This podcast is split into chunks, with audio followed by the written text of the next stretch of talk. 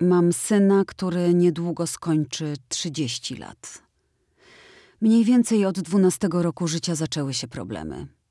Nie kłamał tylko wtedy, gdy spał.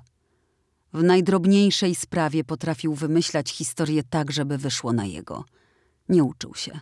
Co chwila z mężem chodziliśmy do szkoły. W stosunku do nauczycielek zachowywał się tragicznie.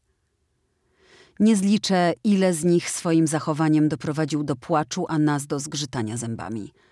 Staraliśmy się dać mu tyle wsparcia, ile mogliśmy.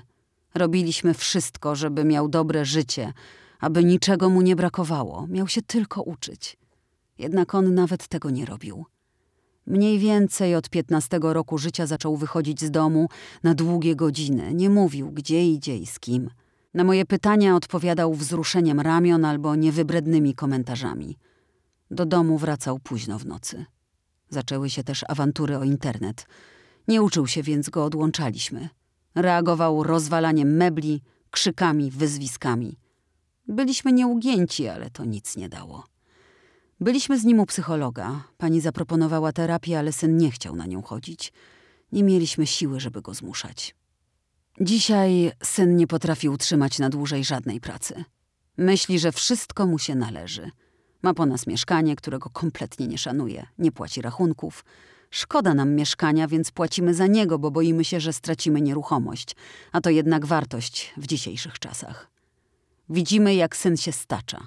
Popada w alkoholizm, ale jest dorosły, a my chcemy mieć po tylu latach wreszcie spokój. Przez niego nabawiłam się nerwicy, a mąż wrzodów.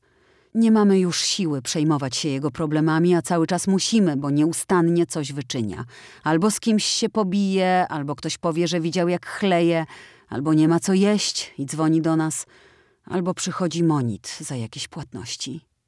W pewnym momencie pojawiła się bezradność. Poświęciliśmy mu tyle lat. Staraliśmy się wychować, a on od siebie nie daje nic, nie szanuje nas, jest miły tylko wtedy, gdy coś chce. Kiedy coś idzie nie po jego myśli, obraża się albo krzyczy. Mamy go serdecznie dosyć.